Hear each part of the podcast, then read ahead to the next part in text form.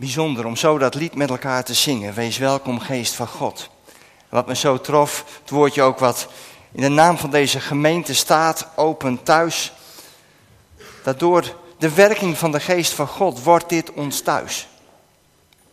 En wat is het prachtig als ik hier die manden vol zie met eten, met allerlei lekkere dingen.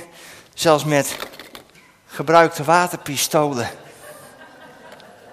Om te geven aan de voedselbank. Aan mensen die dat zo nodig hebben. En dit doe je omdat je thuis bent. Omdat je ook wil dat anderen een thuis hebben. Een plek hebben waar ze enthousiast kunnen zijn. Waarvan ze kunnen genieten. Ook van de vakantietijd die voor hen ligt. En wat is het mooi dat ook deze bakken iets laten zien van wie God is. Want God deelt. God deelt van zijn liefde, van zijn rijkdom aan ons. En als wij de geest van God uitnodigen om in ons midden te zijn, dan doet God dat. Dan gebeurt er iets, dan gaat God werken. En in dat verlangen wil ik ook deze morgen met jullie de Bijbel openen. Wil ik stilstaan bij het thema denken vanuit je vaderland. En dat doen we naar aanleiding van Colossense 3, vers 1 tot en met 11. Dat straks. Als gemeente hebben we ook een Facebookpagina, die kennen jullie vast. En uh, als het goed is, hebben jullie daar de aankondiging van dit thema ook op gezien. Met een filmpje op een, vanuit het NOS-journaal. En ik weet niet of je dat herinneren, het was nu twee weken geleden dat er een zwanenfamilie een heel druk kruispunt in Nederland overstak. En die zwanenfamilie, een vader en een moeder zwaan en drie of vier kleine zwaantjes daarachteraan, die staken daar een druk kruispunt over. En de politie begeleidde dat. De politie met een lint begeleidde zo die zwanen naar de overkant. En het was een vertederend beeld. Een paar weken geleden gebeurde mij iets vergelijkbaars. Ik mocht op een andere plek spreken in Musselkanaal. En ik reed met mijn auto van Sneek naar Musselkanaal. En dan kom je zo vlak voor Groningen. Dan ben je Hoogkerk voorbij en dan rij je zo het, nou ja, op de zuidelijke ringweg van Groningen rij je Groningen binnen. En wat gebeurde mij daar?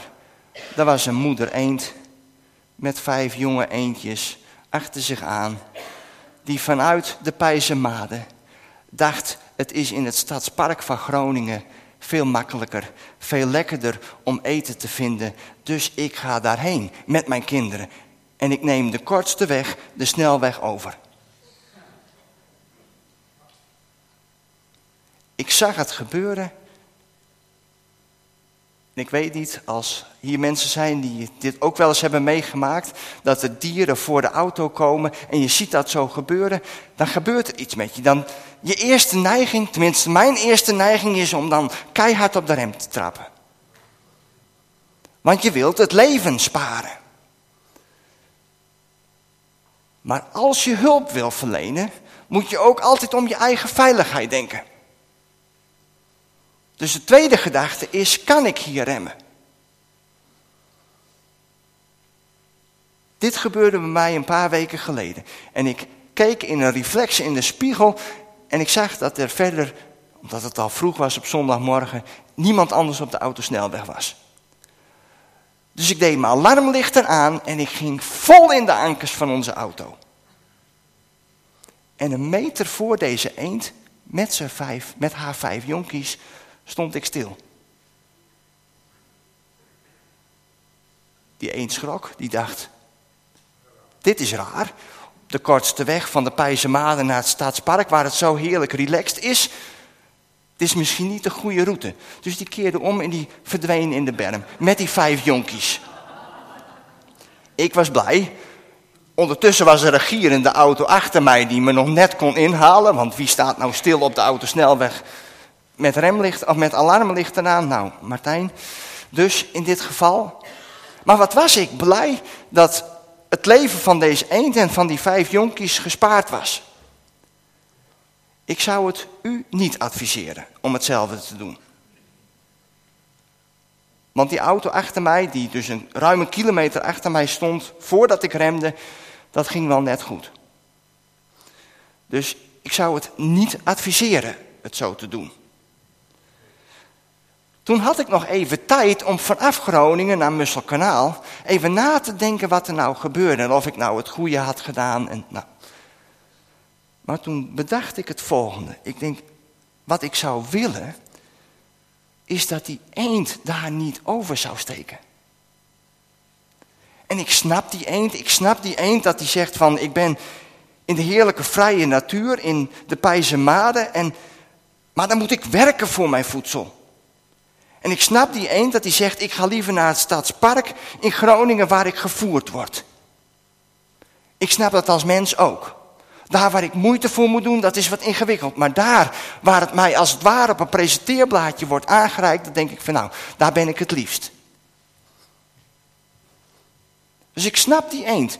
Maar de enige manier voor die eend om niet daarover te steken, is dat hij niet denkt als een eend, maar dat hij denkt als een automobilist. Want als die eend denkt als een automobilist, zou die daar nooit oversteken daar. Hij had misschien nog wel de beste tijd uitgekozen op zondagmorgen, want dan is het waarschijnlijk het rustigst daar. Maar als hij op een ander tijdstip van de week daar had overgesteken, dan had er gegarandeerd zes kleine eendjes dood op de snelweg gelegen. En toen dacht ik aan de parallel voor ons geestelijk leven. Wij zijn als mensen die eend. Ik weet niet of jullie dat verhaal herinneren van koning David. Koning David die niet handig was in zijn relaties met, met vrouwen. En op een gegeven moment komt de profeet Nathan bij hem en die vertelt hem een verhaal van die boer die zoveel, een rijke boer die zoveel schapen heeft en dan komt er een gast op bezoek. En dan neemt hij dat ene schaapje, dat ene bokje van zijn buurman. En dat slacht hij en geeft hij aan zijn gast. En David ontsteekt van woede. En dan zegt hij, wie is die man? Waar? Geef hem in mijn handen, dan grijp ik hem. En dan zegt Nathan, gij zijt die man. Jij bent die man. En zo wil ik vanmorgen zeggen, wij zijn die eend. Want wij zoeken als mensen zo vaak de makkelijkste weg. Van het prachtige natuurgebied in de Pijzemade willen ook wij graag naar dat stadspark in Groningen. Waar we op een stoeltje kunnen zitten, waar het eten ons op een presenteerblaadje wordt gebracht. En als wij klaar zijn, gaan we weer weg. En wij kiezen ook die kortste weg. En ook wij zijn net als die eend, als we die route kiezen, ten dode opgeschreven. Tenzij wij gaan denken als die automobilist. Tenzij wij gaan denken vanuit het perspectief van God. Want God is in dat voorbeeld de automobilist. Hij overziet het geheel. Hij ziet dat wij niet op de goede weg zijn. Net zoals ik zag dat die eenden daar beter niet hadden kunnen oversteken, ziet God dat wij vaak niet daar kunnen oversteken. Maar de enige manier voor ons, terwijl wij ten dode zijn opgeschreven om de goede weg te kiezen, is dat wij gaan denken vanuit Gods vaderhart. Wij moeten leren denken vanuit het perspectief van de hemel en van daaruit te leven. En dat staat beschreven in Colossense hoofdstuk 3, vers 1 tot 11. En laten we dat met elkaar lezen. Je hebt me misschien gedacht waarom ik mijn jasje niet aan heb. Nou, ik heb mijn jasje wel mee en hij staat er gewoon.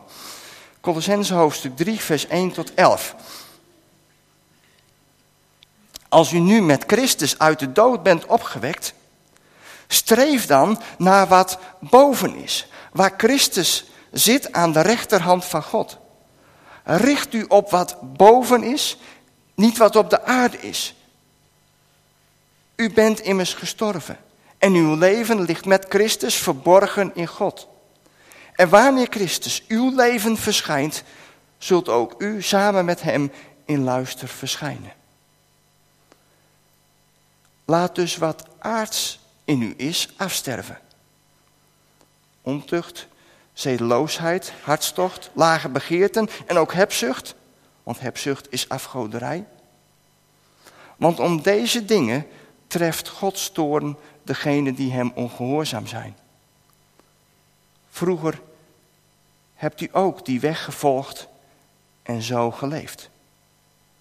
Maar nu moet u alles wat slecht is opgeven. Woede, drift, vloeken en schelden. Bedrieg elkaar niet nu u de oude mens en zijn leefwijze afgelegd hebt. En de nieuwe mens hebt aangetrokken.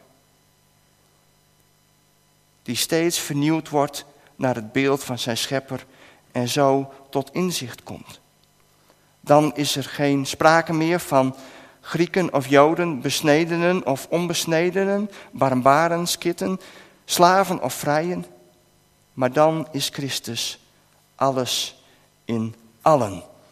Tot zover.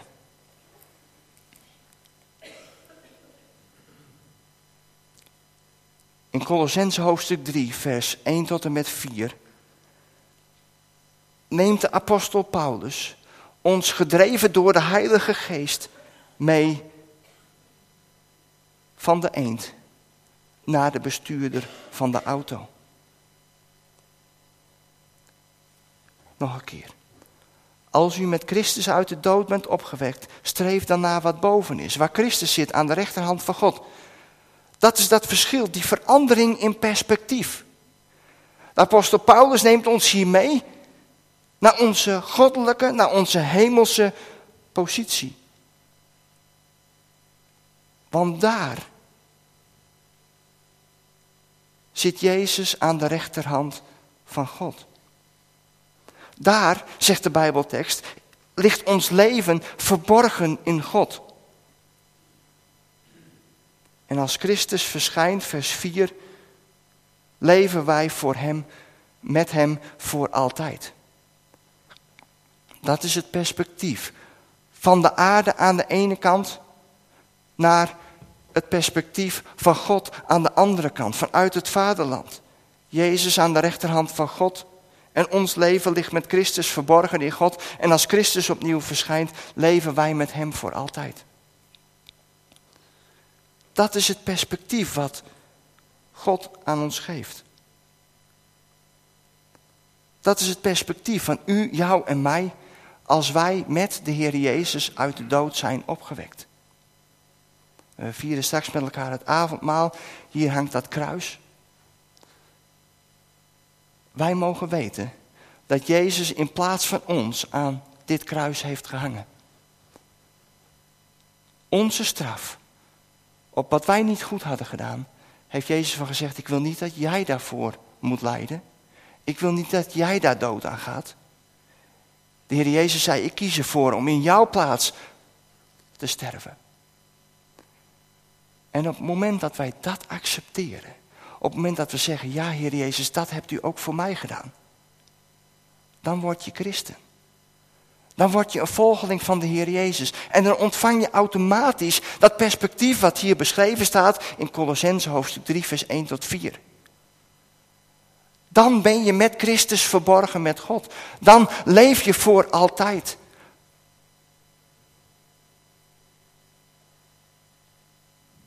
En dan die oproep.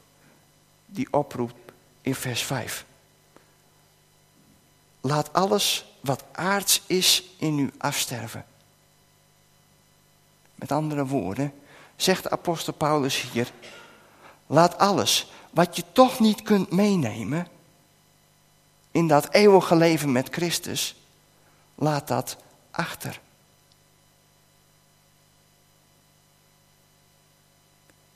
En soms als hele rijke mensen sterven, dan wordt er wel eens meemoedig iets gezegd. Of deze man heeft schatten op aarde verzameld, maar hij kan niks meer meenemen. Zoals mijn opa altijd zei, het laatste hemd had geen boezen. Zo gaat dat. Je kunt niks meenemen. Dus kun je maar beter vanuit dat goddelijke perspectief leven en je leven inrichten. En dat is wat Paulus hier schrijft. Laat alles wat aards is in u afsterven. Maar dat is een proces. Dat is stap voor stap. Wij denken vaak heel zwart-wit, van of het een of het ander. Het is licht of het is donker. En op het moment dat er iets donkers gebeurt in ons leven, gaan we bij, bij wijze van spreken direct bij de pakken neerzitten. En zitten we in zak en as. En dan hebben we iemand anders nodig die ons wijst op de vergeving. Denk, oh ja, en dan gaan we weer staan. En dan komen we weer langzaam tot leven. Maar dat is niet het proces wat de Bijbel beschrijft van discipelschap. Het proces wat de Bijbel beschrijft, is dat we telkens stap voor stap verder gaan. En daarom ook dit jasje. Want elke dag, elk moment hebben we de keuze om ons nieuwe leven met de Heer Jezus aan te trekken. En ik zou je de tip willen geven. Elke keer als jij die jas aandoet, omdat je naar buiten gaat, dat je als het ware ook geestelijk die jas aandoet. Dat je je bekleedt met Christus, dat je dat nieuwe leven aandoet. Doe dat s'morgens als je uit bed stapt. Op het moment dat je voor de spiegel staat en je eerste kleren aantrekt, bekleed je met Jezus Christus. Want wij herkennen dat toch? Wat de apostel Paulus verder schrijft in de versen 6 tot en met, tot en met 11. We herkennen ontucht, zedeloosheid, hartstocht, lage begeerten, hebzucht, woede, drift, vloeken, schelden, bedriegen. Vers 9 zegt, de oude mens met zijn leefwijze afleggen. We leggen het af. En daarna doe je een nieuw jasje doe je aan. Telkens opnieuw. Elke dag weer. Stap voor stap. Dat is het proces wat hier beschreven wordt. En dit doe je door in alle situaties, groot en klein in je leven, de nieuwe mens tegenover de oude te zetten. De leugen te vervangen door waarheid. Denken vanuit de aarde tegenover denken vanuit de hemel. Scherper nog. En dat is denk ik een heel goed richtsnoer waar we allemaal wat mee kunnen. De nieuwe mens brengt je stap voor stap dichter bij God. En de oude mens brengt je stap voor stap verder bij God vandaan. Dus op het moment dat je naar school fietst,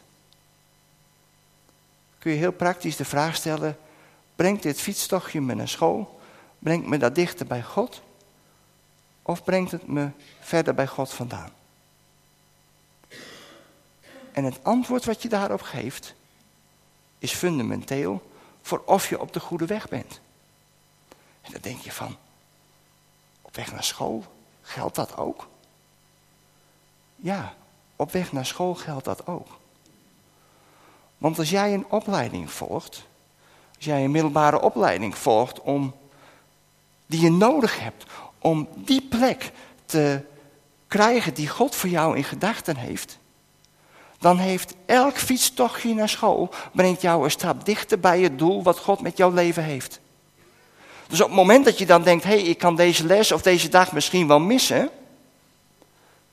moet je afvragen, brengt het missen van deze dag, brengt het mij dichter bij het koninkrijk van God of brengt het mij daar verder vandaan?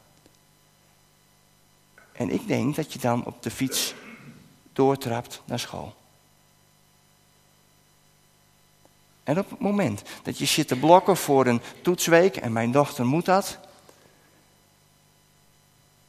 dan heb je de keuze. Hoe besteed ik mijn avond? Ga ik een filmpje kijken? Ga ik iets anders doen? Of ga ik nog even leren? Op dat moment heb je de keuze van, brengt, wat brengt mij dichter bij God? Maar dat is even heel praktisch voor school. Maar dat geldt voor elke situatie in het leven. Als je in de supermarkt staat. Als je door het raam bij je buurman of je buurvrouw kijkt en daar iets ziet. Wat gebeurt er dan van binnen? Brengt het je dichter bij God? Of brengt je oude mens je steeds verder bij hem vandaan?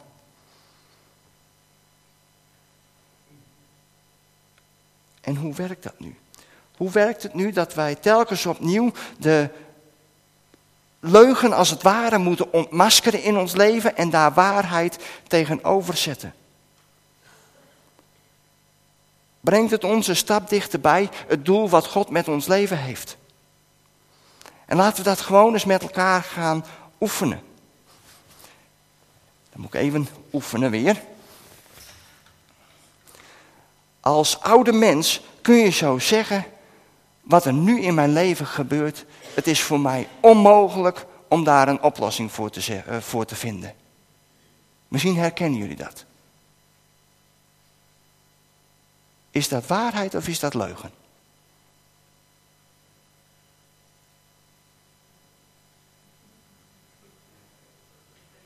Het is een leugen, hè? Want wat zegt de Bijbel? Ik bekleed me met de waarheid. Alles is mogelijk voor wie gelooft. En in Romeinen 12, vers 3. Waarom zou het me aan geloof ontbreken dat ik voor Christus kan leven wanneer God mij een mate van geloof heeft gegeven? Of een andere uitspraak. Ik ben zwak. Het lukt me niet. Dit is te groot. Waarom zou ik zwak zijn? Wanneer de Bijbel zegt dat de Heer de kracht van mijn leven is. En dat ik sterk zal zijn en daden zal doen omdat ik God ken. Dat staat in Psalm 27 vers 1 en Daniel 11 vers 32.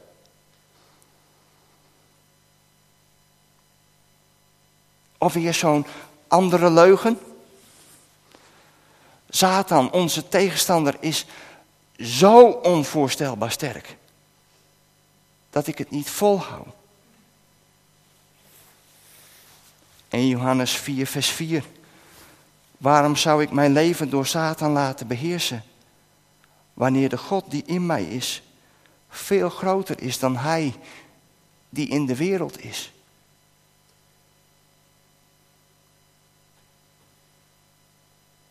Of iets anders, misschien heel herkenbaar. Ik val telkens opnieuw in de zonde die mij zo in de weg zat.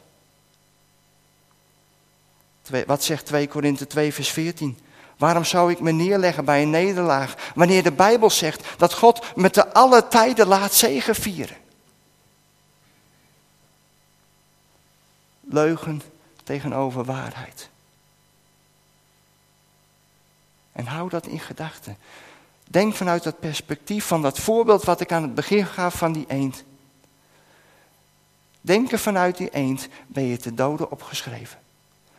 Maar denken vanuit die automobilist, denken vanuit het perspectief van God, denken vanuit het vaderland, zorgt dat we in staat zijn om telkens in de waarheid te blijven bewandelen. Ik ben zo negatief soms.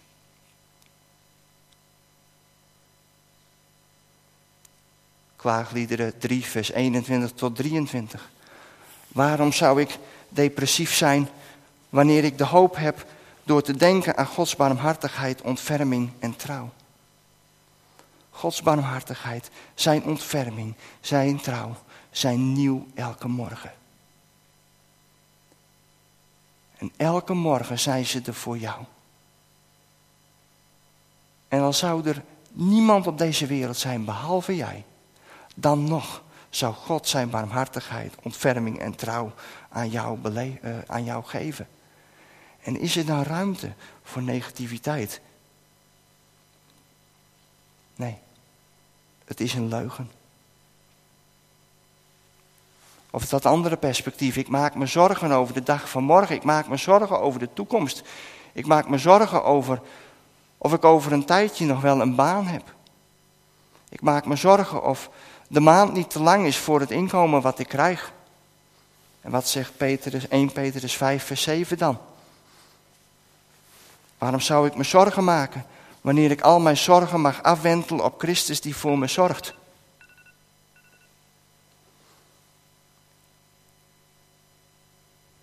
Of ik ben niet vrij. 2 Korinthe 3, vers 17. Waarom zou ik me ergens door laten binden wanneer ik weet dat er vrijheid is waar de geest van de Heer is? En zo kunnen we doorgaan. Zo kun je eindeloos doorgaan met de thema's waarin je leven, waar je tegenaan loopt. En eigenlijk, en dat is mijn stelling vanmorgen, zit er achter alles waar wij tegenaan lopen in het leven. Tegen alle moeilijke, tegen alle worstelingen. Tegen alle boosheid, alle wrok. Daar zit een leugen van Satan achter. En de Bijbel, het woord van God. God die spreekt door zijn Heilige Geest. Zet tegenover elke leugen van Satan, zet hij waarheid. Waarheid vanuit het koninkrijk. Waarheid vanuit het hemels vaderland.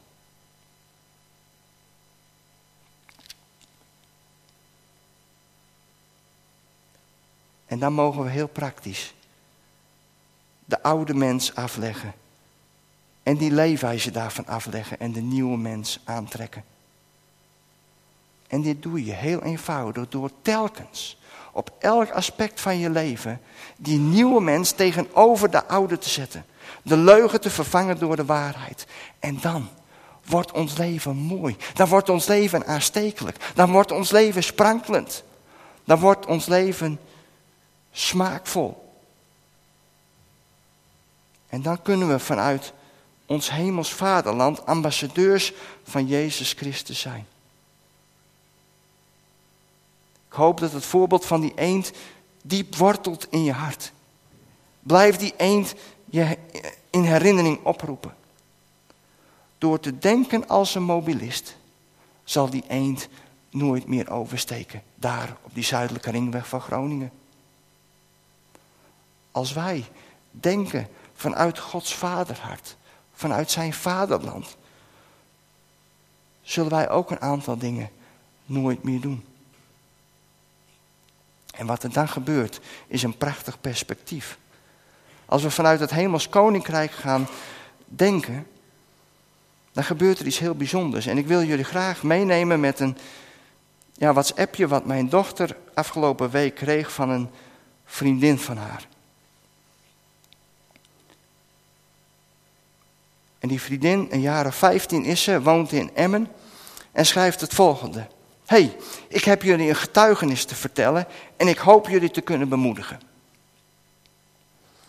Er is sinds een poosje een Jezuscafé bij ons in Emmen.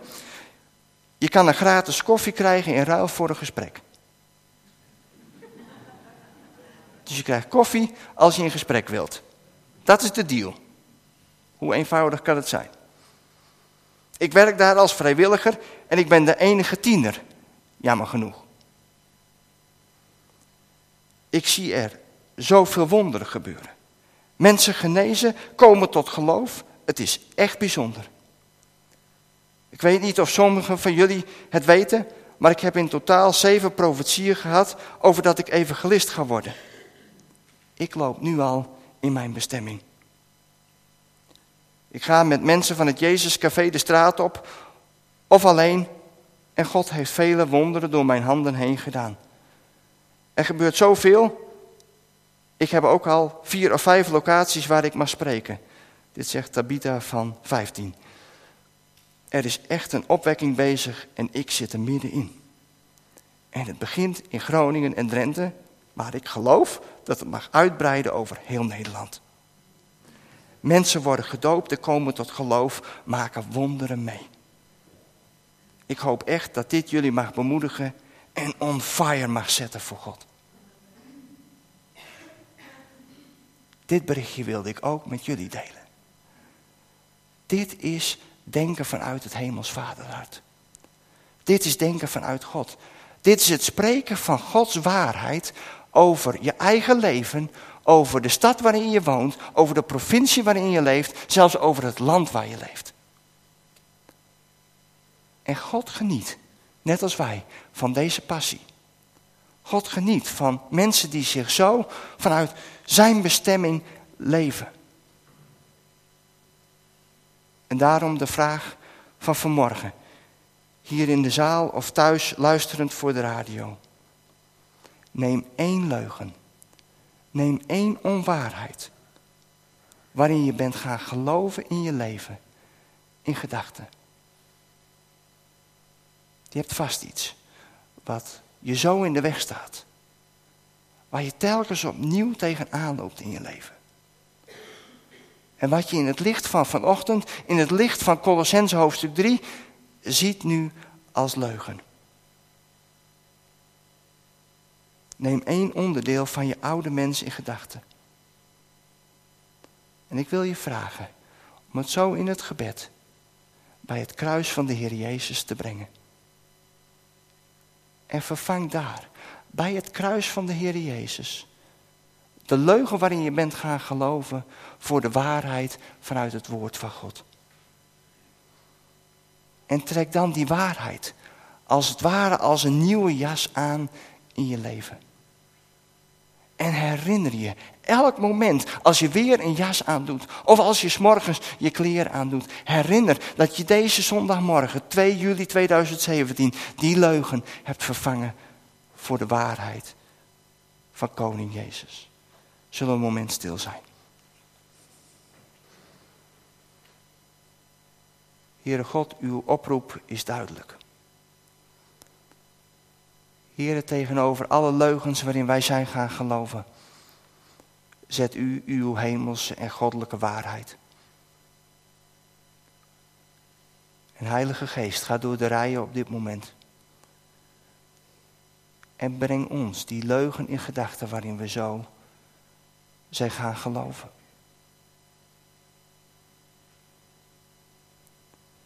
Misschien is het een uitspraak van een vader of moeder of een collega of je baas.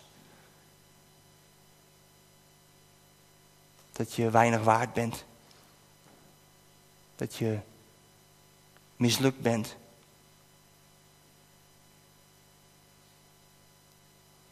Of dat ze dat nooit van jou verwacht hadden. Die uitspraken die zo in je gedachten kunnen zitten, die je zo kunnen vastzetten. Heilige Geest, ik geloof dat u door de rijen gaat. En ons allemaal heel persoonlijk die ene leugen in gedachten brengt waar we zo in zijn gaan geloven. En dank u wel dat u ons nooit iets in gedachten brengt, zonder ook de oplossing daarbij te geven. Dank u wel dat we met die leugen, met die onwaarheid naar het kruis mogen gaan. Het kruis van de Heer Jezus. Waarin Jesaja 53 zegt dat zijn striemen ons genezing brachten. Heren, we willen met deze stream, met deze uitspraak over ons leven bij het kruis komen. En daar uw waarheid met open handen ontvangen. Dat we kostbaar en waardevol in uw ogen zijn. Dat daar waar we ons alleen hebben gevoeld, dat u ons omringt met uw nabijheid en zegt, ik laat je nooit alleen. Ik ben er altijd bij. Dat hoe grote nood, hoe grote leugen ook is in ons leven, dat u, Heer Jezus, dat op dit moment vervangt door uw waarheid. Door uw liefde, door uw tederheid, door uw herstel en door uw genezing. En dat we allemaal, hoofd voor hoofd, mens voor mens, uw waarheid als een nieuwe jas mogen aantrekken over in ons leven. Dat we, heren, met die nieuwe jas mogen leven. Dat het ons zal verwarmen. Dat het ons mooi maakt. Dat we zo kunnen schitteren in uw koninkrijk. Heren, zegen ons daarbij hoofd voor hoofd. En plant, heren, die diepe les van vanochtend in ons hart. Dat daar waar we geconfronteerd worden met leugen, daar waar we geconfronteerd worden met al die dingen die staan in Colossense hoofdstuk 3, die hebzucht, die gierigheid, die trots, die scheldwoord, die boosheid, die zedeloosheid. Heer, het komt allemaal bij de leugen vandaan, bij de vader van de leugen. En dank u wel dat u tegen al die dingen, dat u dat tegenover waarheid zet. En geef, Heer, dat we dat telkens opnieuw mogen ontdekken. En dat we daarvan uit mogen gaan leven. Zegen ons daarin, hoofd voor hoofd. In de machtige naam van Jezus bid ik dat. Amen.